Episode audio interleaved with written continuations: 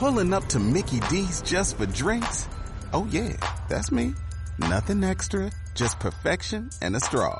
Coming in hot for the coldest cups on the block.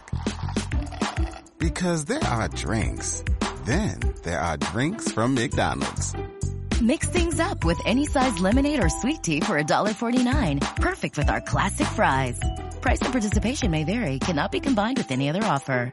Ba da ba ba ba.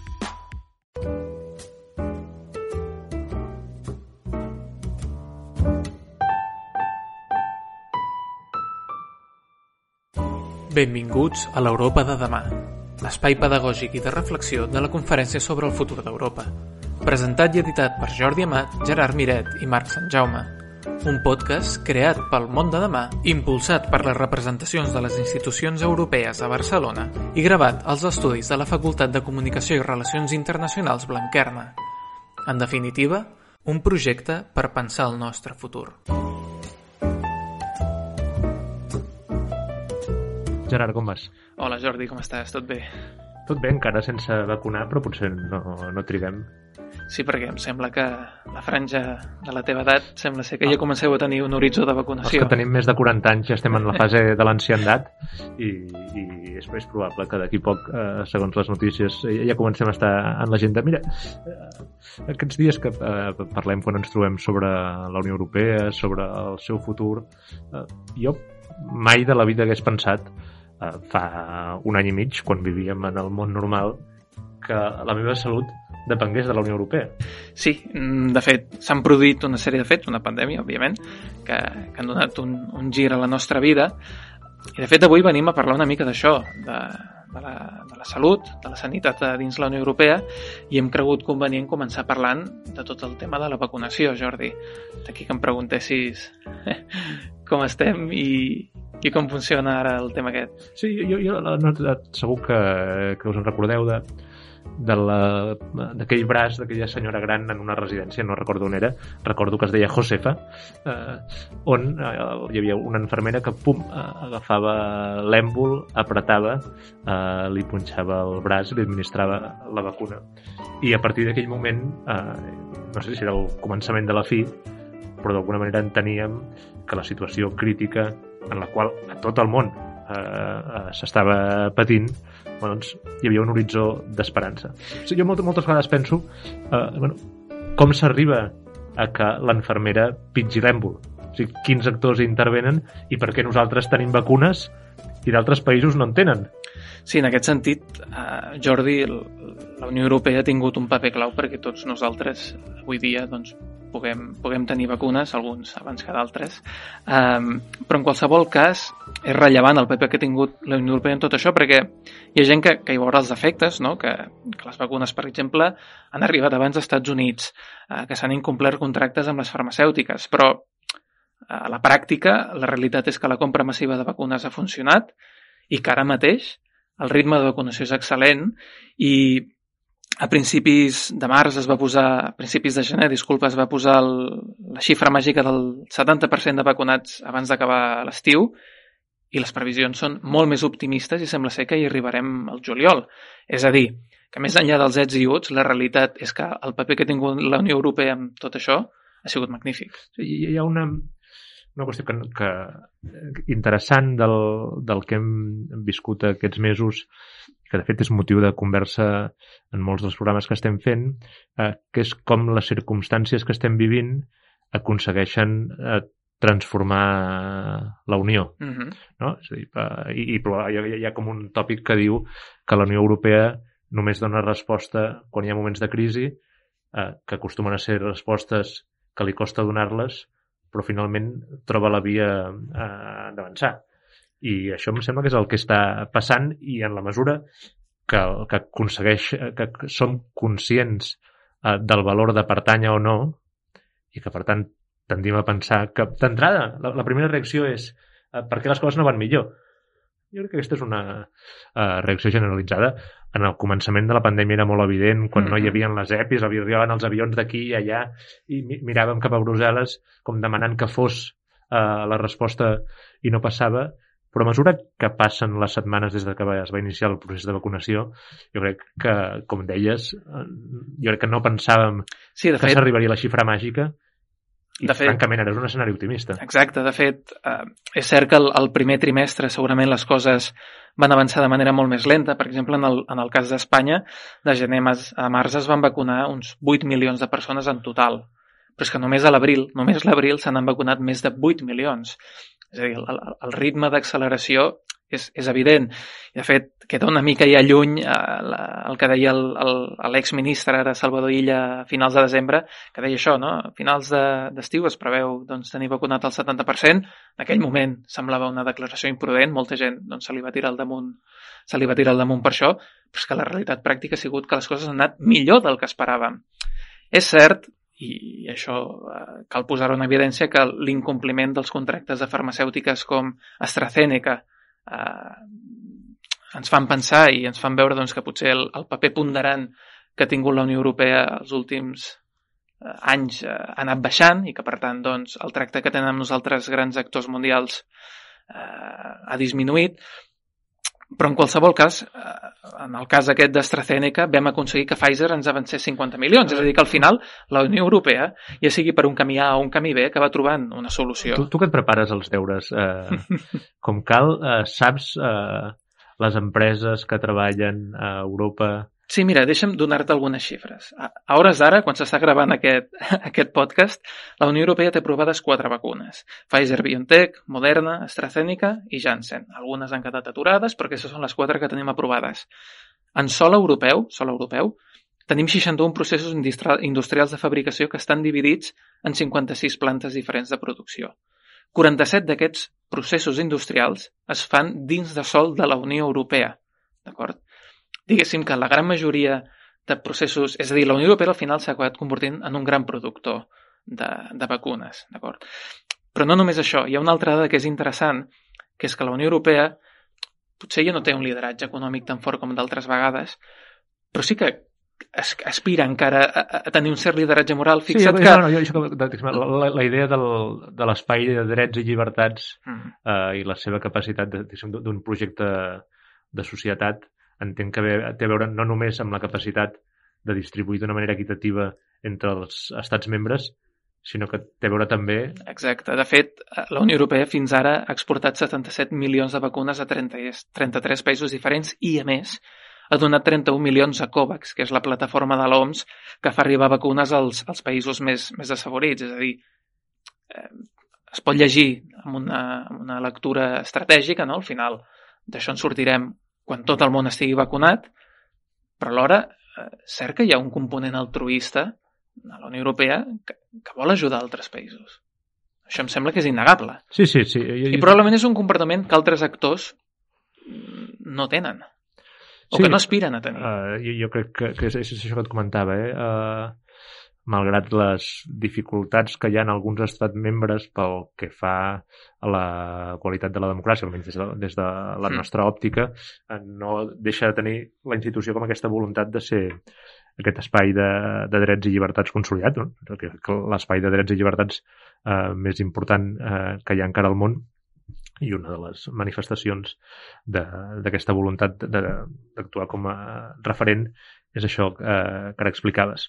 Jo, jo, jo em, em sembla que, eh, que, que val la pena avui, eh, com que parlem d'un tema que, és, que ens toca tan de prop perquè és el, la qüestió més important en la que ens Mm. trobem, que donem eh, veu a, a les expertes que parlaran amb el Marc Sant Jaume, eh, perquè tant la, a, la Clara Prats com la Núria Mas, que no són metgeses, però que a part de la seva feina, ja sigui com a tecnòlogues o com a economistes, té a veure amb les ciències de la salut, Uh -huh. ens il·lustrin sobre com entenen que ha respost eh, la Unió, sobre què podria fer millor, sobre què ha fet, sobre que, com, la comparació amb altres països.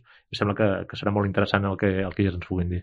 De ben segur que sí. I Jordi, deixa'm acabar dient una cosa que acostumem a dir sempre al final d'aquesta conversa que tenim, que és que la gent els animem a, a participar a la plataforma digital que té la Conferència del Futur d'Europa per, per promocionar els projectes que vulgui o per participar-hi, perquè és important dir això, no només ens permet assistir en els diversos actes que s'organitzen arreu d'Europa, sinó que ens permet a nosaltres mateixos com a individus organitzar el que, el que ens convingui. I en àmbit de salut estem segurs que hi ha gent que estarà interessada en participar-hi, muntar els seus actes i assistir i sentir i veure què diuen altres persones. Ben fet, perquè l'important és participar, perquè si no participem després no ens podrem, no ens podrem queixar. Exactament. Vinga, vagi bé. Adéu. I ara, l'entrevista de l'Europa de demà, amb Marc Sant Jaume. Bé, doncs, avui parlem eh, de la qüestió de la sanitat i eh, el paper eh, del procés d'integració europea i les institucions comunitàries en aquesta qüestió i de manera ineludible hem de parlar també d'aquesta pandèmia que ens està afectant a tots i a totes de manera molt directa des de fa eh, força més d'un any ara. Eh, dediquem el podcast, per tant, a aquesta qüestió amb dues convidades eh, expertes en, en qüestions relacionades amb la recerca i amb la sanitat. Eh, ens acompanya la Clara Prats, que és professora agregada del Departament de Física de la UPC, doctora en Biofísica, investigadora al grup de Biologia Computacional i Sistemes Complexos de la UPC, a un grup de recerca que col·labora amb, amb l'Agència de Qualitat Aquas d'aquí de Catalunya. Hola, Clara. Hola, bona tarda. Um, també ens acompanya la professora Núria Mas, que és directora del Departament d'Economia de, de IESE i és titular de la càtedra Jaime Grego de Healthcare Management i també és uh, doctora, en aquest cas, en, en Economia. Hola, Núria. Hola, bona tarda. Bona tarda, bona tarda a totes dues. Bé, doncs, um, uh, per plantejar aquesta qüestió us volia preguntar en primer lloc si um, en, en la vostra expertesa i en, i en la vostra tasca professional us heu, us heu trobat amb alguna, amb alguna situació en què eh, pugueu explicar quin és, quin és el paper de la Unió Europea o quin és el paper d'aquesta integració europea en la vostra recerca o en, en el vostre objecte de recerca, si voleu mm, exposar alguna referència doncs, en relació a la pandèmia o en relació a la recerca. Clara, per exemple, Bé, nosaltres, eh, durant aquesta pandèmia, nosaltres, jo estic en un grup de, de biofísics de, que fem recerca, entre altres coses, en malalties infeccioses, utilitzem les matemàtiques per eh, comprendre-les millor, i per tant, fa poc més d'un any, quan comença, arrenca tot el tema de la, de la pandèmia, doncs ens posem, és a dir, amb l'expertesa que teníem amb, estudiant altres malalties infeccioses, ens posem a estudiar també la, la Covid, no? sobretot en la part de fer models predictius, que, que és el que s'estava demanant sobretot al, al principi de, de tot, no? Quan arribarà el pic, quan arriba... Aquest era una mica el, el neguit que hi havia. Aleshores, eh, des d'un primer moment, també des de la Comissió Europea, es veu la necessitat doncs, de, de, de disposar d'aquests models predictius no? de, de, per poder avançar una mica com anirien les coses i comencen a intentar crear una mica de xarxa a nivell de, de modelitzadors a Europa no? I, i ens arriba el contacte, ens arriba la petició i per tant comencem a col·laborar també amb la Comissió Europea. I això fa doncs, que des d'un primer moment, pràcticament des de mitjans de març del, del 2020, eh, comencem a treballar les dades de tots els països europeus per poder fer prediccions, diguéssim, de, de forma particular per cada país. No? I ens hem estat eh, bellugant una mica en aquest, en aquest mar de dades i de mesures de control i de no? tota aquesta tota aquesta part de la, de la pandèmia. Entenc que aquesta col·laboració, Clara, ha estat una col·laboració punto ad hoc, diguéssim, per aquesta, per aquesta situació d'emergència. Sí, sí, sí, absolutament. És a dir, eh, sorgeix al, al, al principi de la, de la pandèmia com una citat perquè era eh, no hi havia una estructura de, no, a nivell europeu de gent estudiant dades, treballant dades, fent, fent models. Aquesta estructura eh, no hi era. Sí que hi ha una agència, l'SDC, l'Agència per al Control de, de, de prevenció de les, de les malalties infeccioses a nivell europeu, que està a Suècia, uh -huh. uh, i per tant des d'allà ja tot el tema de control epidemiològic sí que ja es portava, però des d'allà també van començar a, a integrar una mica més el tema dels models, és a dir, es partia una mica de zero a nivell global, no? tot i que a nivell local doncs, són molts grups els que ja havíem treballat prèviament amb models epidemiològics. Però crec que mancava una mica aquesta estructura a nivell europeu i en aquell moment s'intenta començar a crear. Uh -huh.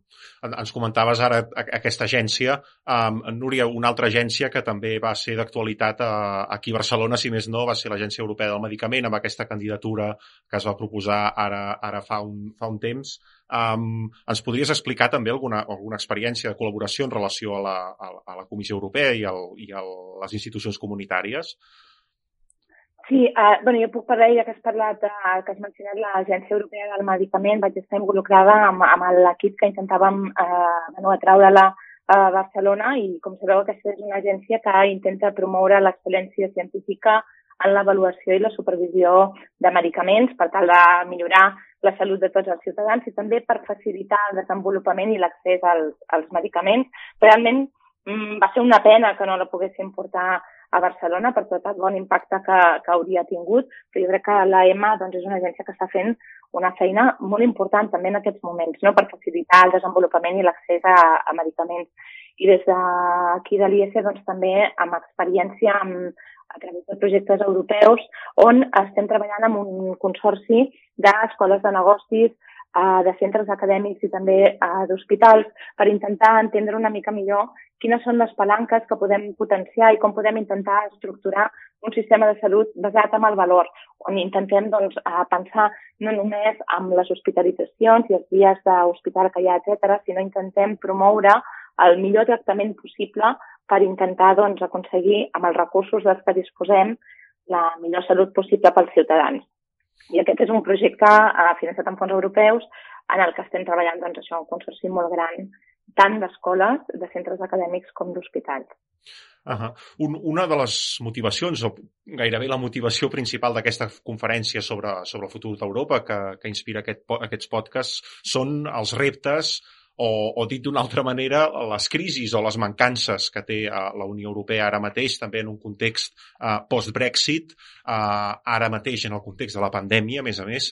Per tant, um, una situació complicada pel, pel procés d'integració que s'intenta rellençar d'alguna manera a través d'aquesta conferència i mm, m'agradaria que, que compartíssiu si teniu alguna reflexió sobre um, els reptes o, o alguna mancança que hagueu observat en, en, en la vostra vida professional d'aquest d'aquests a partir d'aquests exemples o d'altres situacions en les quals digueu, ostres, doncs aquí a la Unió Europea no hi arriba o podria fer més, més enllà de finançar, per exemple, aquests projectes o d'impulsar algunes xarxes en moments concrets? Si vols, començo, jo soc la Núria.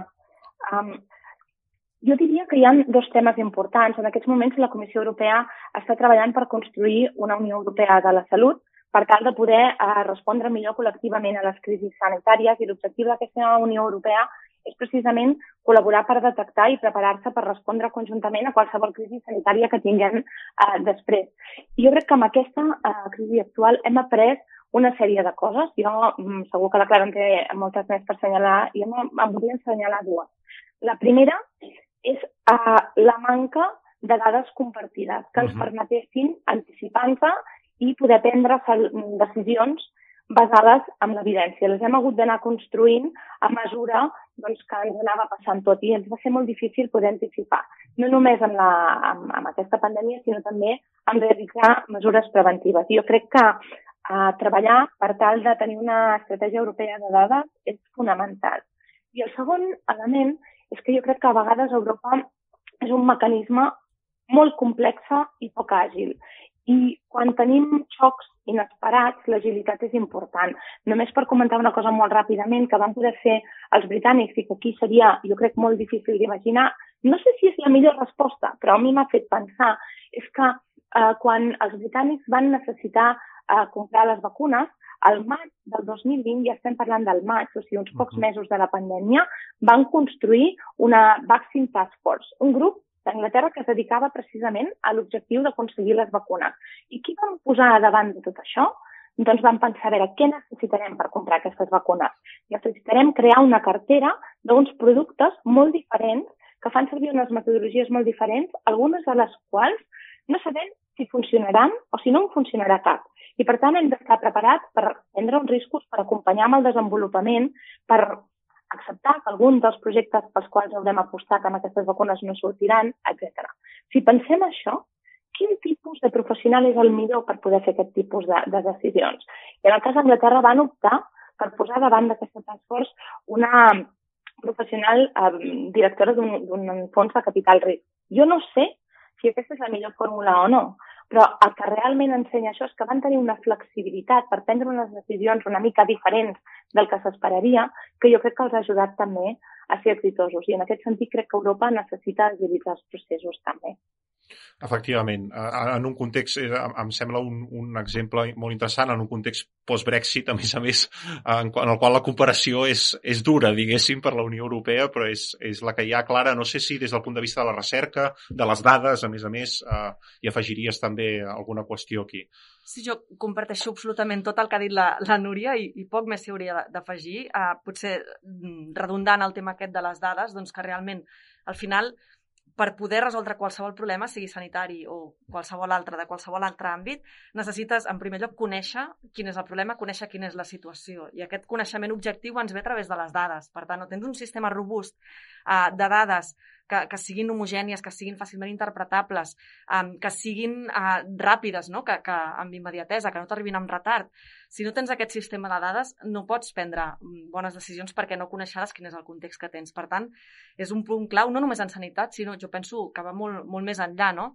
I realment el fet de que Europa sigui uh, un, un context com més global, no fora, és a dir, a nosaltres ens interessa no només uh, saber el que passa, doncs ara estem a Barcelona, per exemple, o a Catalunya, o a Espanya, o uh, ens, tot el que passa més enllà de les, de les nostres fronteres, les posis on les posis, en el context europeu ens afecta i, per tant, -huh. és molt important uh, poder uh, compartir amb els altres, amb els altres països perquè d'aquí sortirà un coneixement molt més profund de la situació perquè tot està interrelacionat. Per tant, és absolutament imprescindible. No? I en aquest sentit, també m'agradaria posar en valor que, per necessitat, s'ha fet uns passos de gegant durant, en aquest últim any no? que no s'haguessin fet d'una altra manera o ens hagués, put, ens hagués costat segurament dècades d'aconseguir. No?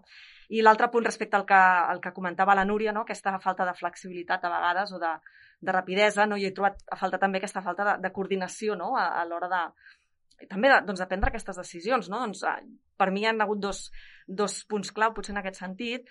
Un seria, no, quan veiem les corbes que s'escapaven, ara s'escapa un país, sabem que s'escaparà l'altre, doncs el crear un sistema d'indicadors més o menys conjunt, basat en unes dades que llavors ja començàvem a tenir, no? I, i a valorar conjuntament quins són els nivells de riscs assumibles i no assumibles, perquè més el que passi aquí afecta el que passa al país del costat, doncs aquí probablement vaig trobar a faltar també aquesta, aquesta flexibilitat, rapidesa o capacitat de coordinar-se, de, de decidir, no?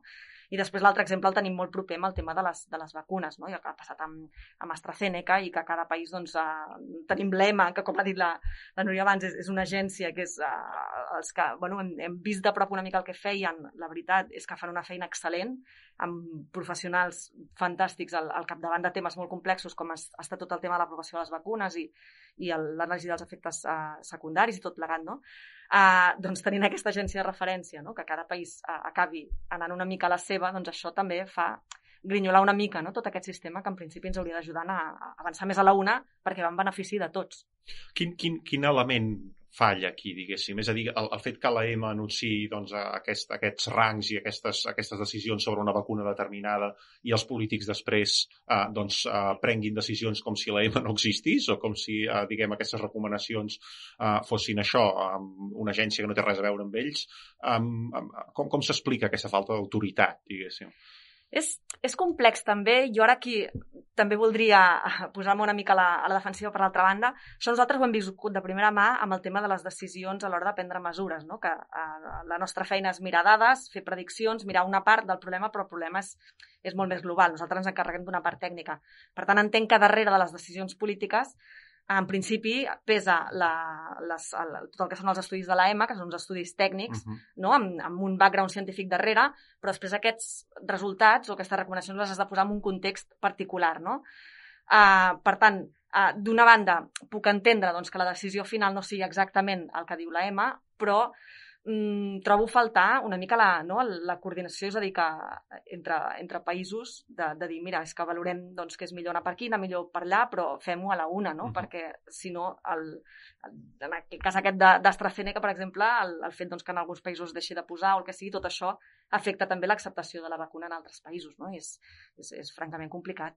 Um, Núria, aquest sistema de salut que, que comentaves podria salvar aquestes mancances que, comenta, que comentava ara la Clara? És a dir, podria tenir una autoritat autoritat a l'hora d'imposar aquests, aquests criteris?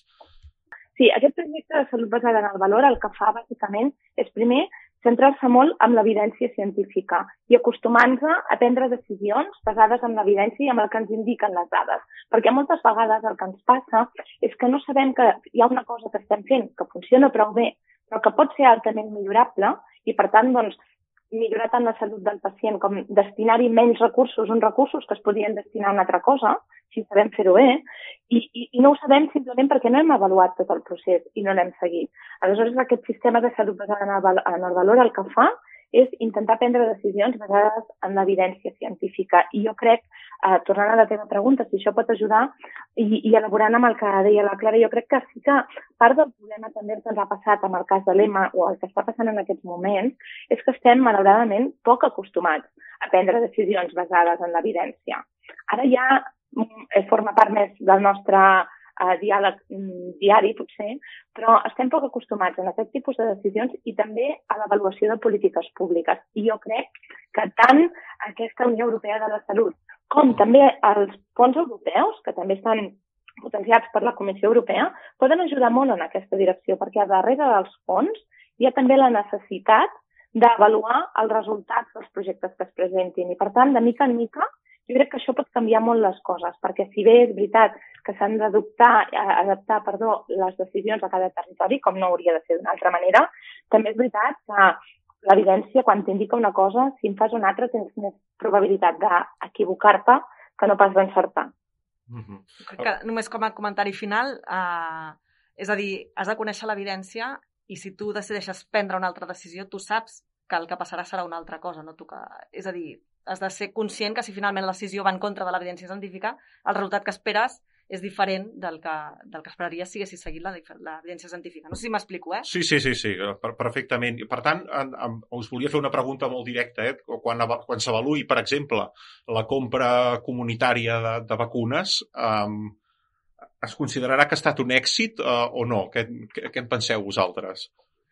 Això potser és més tema de la, de la Núria. Jo l'únic que puc dir és que, i després deixo per ella la part més uh, econòmica, si vols, o, uh, és que realment a nivell de vacunació, fins que no haguem vacunat a tots els països, uh, no haurem resolt el problema. Per tant, com a model, el fet de dir a Europa anem a la una, intentem centralitzar com a model, a mi em sembla eh, el model correcte. És a dir, no ens interessa només que es vacunin els alemanys, sinó que necessitem que es vacunin els alemanys, els francesos, els luxemburguesos, els italians. I aquí, no? Eh, per tant, com a model, jo crec que està bé. Ara deixo per la Núria la, la part complicada. A veure, jo crec que aquí hi ha una sèrie d'aspectes. Un, la manera com vam fer aquesta, aquesta bossa no? de, de la cartera de vacuna. He comentat abans la importància de la flexibilitat i potser si els reptes són diferents, buscar perfils diferents, però jo estic totalment d'acord amb, el que, amb el que deia Clara, que a mi em sembla el model correcte ens ha portat, jo crec, molt més lluny que no pas si ho haguéssim intentat sols, molt probablement, i a més, aquest és un problema global. I, per tant, com més coordinació hi hagi amb les vacunes, molt millor. També és veritat que nosaltres quan parlem de la velocitat de vacunació a Europa ens comparem només amb el Regne Unit i amb els Estats Units i potser amb Israel, però és que són tres casos. La resta, doncs, va com nosaltres o més enrere i, per tant, jo crec que sí que és un model correcte d'intentar moure'ns tots a la una. Molt bé, doncs amb aquest missatge optimista uh, us agraeixo molt la vostra participació aquest podcast i també convido l'audiència a seguir doncs, els propers, a les properes edicions del podcast que tocarem doncs, tots els temes que afecten aquesta conferència sobre el futur d'Europa. Gràcies, Núria. Gràcies, Clara. Uh, gràcies per ser-hi. Uh, Adéu-siau. Moltes gràcies a tu. Adéu-siau. Gràcies, un plaer. Adéu. Adéu. Això ha sigut l'Europa de demà us esperem, com sempre, la setmana que ve per reflexionar sobre el nostre futur.